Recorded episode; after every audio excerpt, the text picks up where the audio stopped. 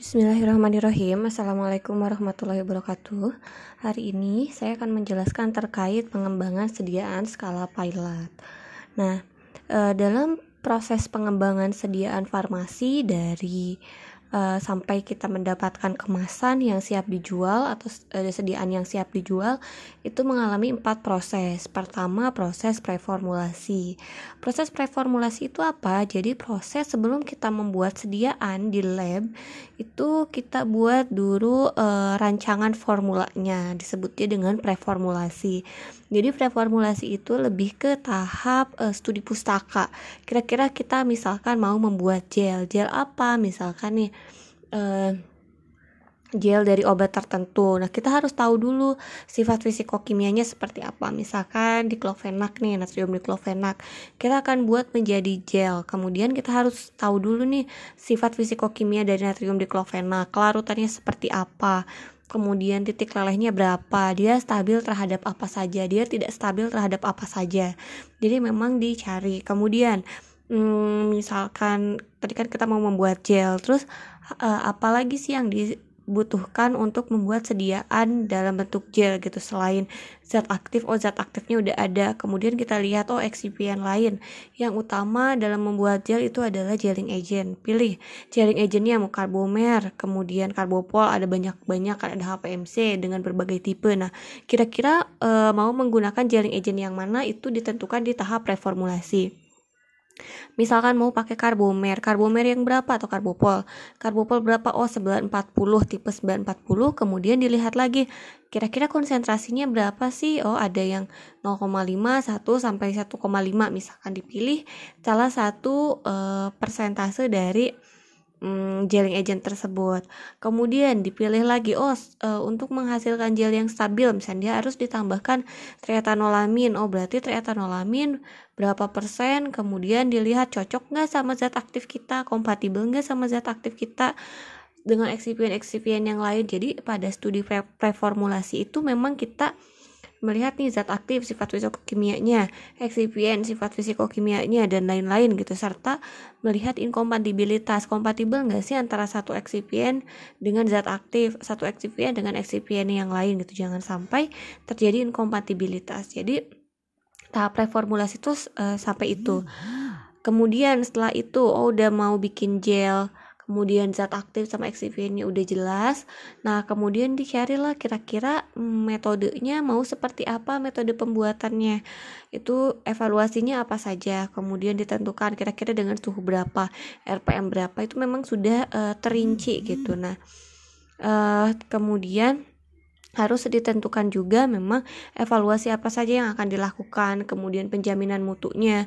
Kira-kira yang baik itu uh, gel pada pH berapa, kemudian pada uh, pada konsistensi seperti apa, viskositas berapa. Jadi memang uh, sudah sampai tahap itu. Pokoknya tahap reformulasi itu dari awal kita memilih zat aktif, eksipien sampai nanti kalau sediaan udah jadi apa saja yang dievaluasi, nilai mutunya, nilai mutunya seperti apa. Nah, itu kemudian uh, setelah kita selesai dengan tahap reformulasi kita mulai uh, formulasi. Tapi formulasi yang utama itu yang pertama kali dilakukan adalah di skala lab. Skala lab berapa yang seperti teman-teman lakukan di uh, saat praktikum gitu. Jadi kayak praktikum bikin gel bikin salep bikin krim itu memang hmm, uh, di skala lab gitu. Jadi yang kayak bikin sekitar 1000 mili kemudian bikin 100 gram hmm. itu masuknya uh, masuknya skala lab.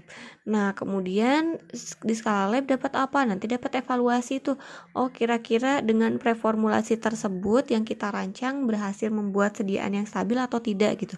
Kalau stabil kemudian kita bisa ke tahap selanjutnya. Tapi kalaupun misalkan ternyata tidak uh, tidak stabil ternyata gelnya encer misalnya krimnya encer udah kita kembali lagi refor, ref, reformulasi gitu. Jadi kita kembali lagi ke tahap sebelumnya yaitu preformulasi. Kita utak atik lagi oh ternyata misalkan dengan konsentrasi gelling agent 1,5% ternyata dia encer nih. Oh ya udah kita naikkan jadi 2% jadi uh, tahapnya itu tahap preformulasi kemudian skala lab. Kalau skala lab tidak berhasil kita kembali lagi ke preformulasi. Tapi kalau skala lab berhasil kita naik ke tahap skala pilot. Skala pilot biasanya itu memang dia lebih besar lebih besar dari skala lab tapi memang lebih rendah dari skala produksi. Biasanya sekitar uh, 50 liter 100 liter itu masih skala pilot gitu. Jadi memang uh, alat-alatnya hampir sama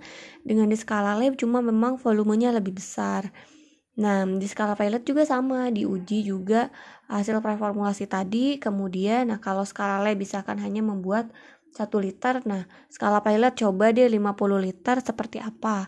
Misalkan apakah ada yang harus diotak-atik? Oh, misalkan di kecepatan pengadukan, di lamanya pengadukan, itu diotak-atik di skala pilot. Nah, kalau skala pilot berhasil bisa lanjut ke tahap produksi.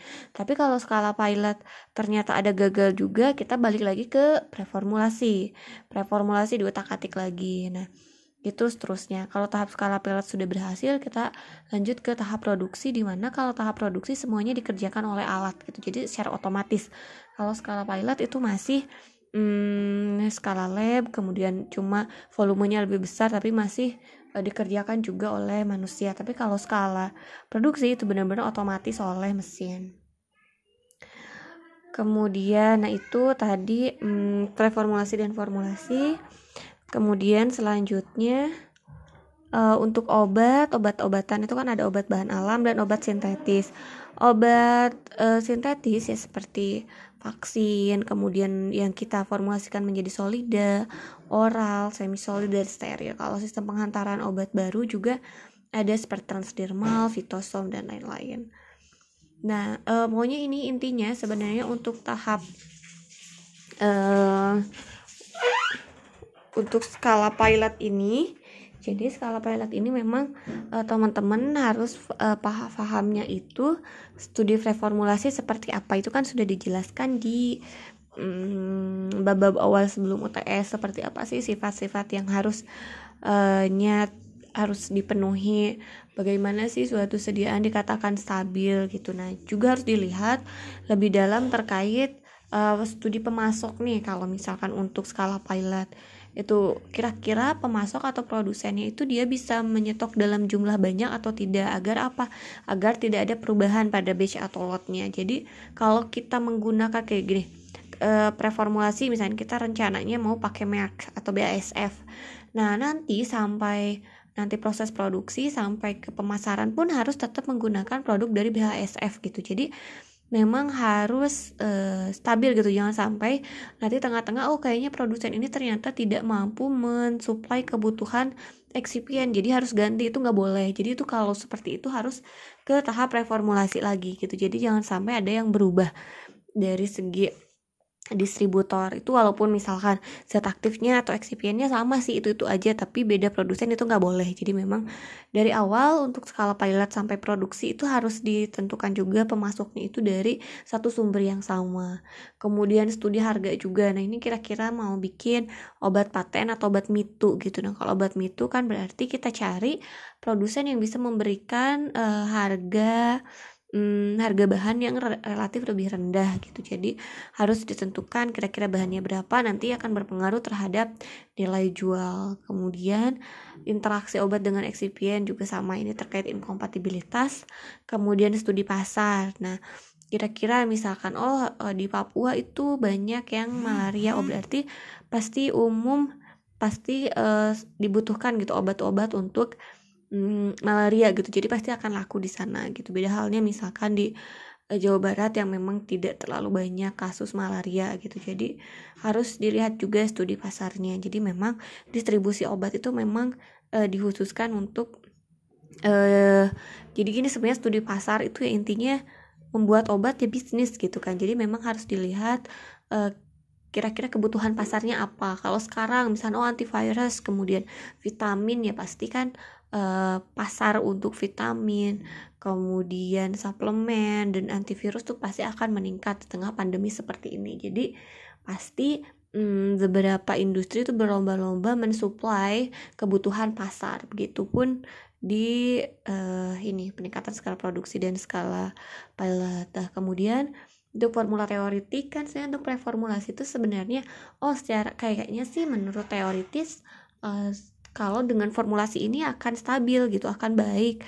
Nah kalau misalkan seperti itu itu kan baru hipotesanya. Kemudian dibuat skala lab kemudian e, dibuktikan lah gitu. Apakah e, secara hipotesa tadi secara teoritis itu apakah benar atau tidak gitu. Nah kemudian kan masuk ke eksperimen lab gitu. Jadi dilihat kan kalau di teoritis preformulasi itu kita nggak tahu kira-kira kekentalannya bakal berapa ya kira-kira butuh uh, cukup nggak ya dengan misalkan 900 rpm waktu 5 menit. Nah sedangkan pada saat di lab kan kita tahu oh ternyata kurang nih oh suhunya kurang kecepatannya kurang waktunya kurang itu uh, dia hanya didapat di skala lab. Kemudian titik kritisnya itu nanti bisa dicatat. Oh kalau misalkan untuk pembuatan emulsi itu memang uh, surfaktannya harus besar kemudian pemanasannya harus sekian derajat kecepatan pengadukannya harus sekian gitu. Jadi dicatat biar nanti hmm, jadi evaluasi. Untuk nanti ke skala pilot dan produksi itu tuh sudah kita sesuaikan.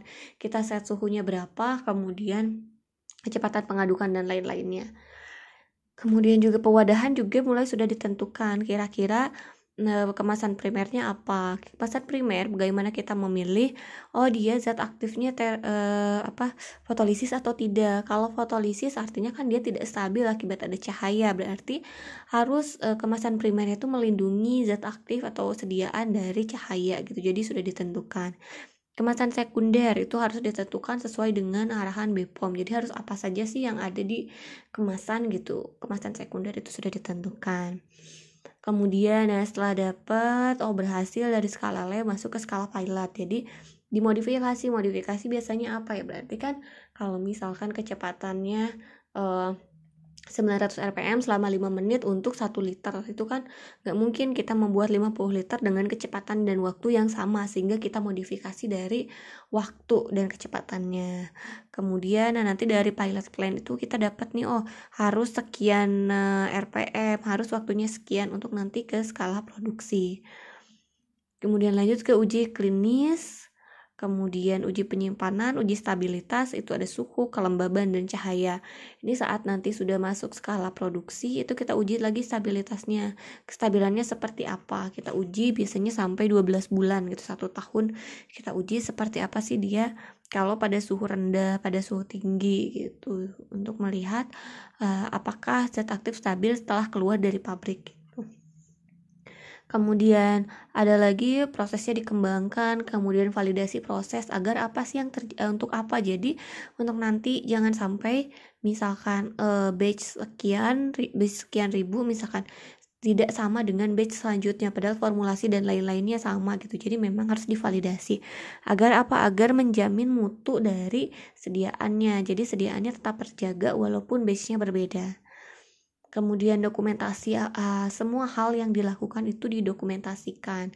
SOP dari bahannya apa mereknya apa kemudian spesifikasinya seperti apa alat juga sama personalianya seperti apa ah, gitu.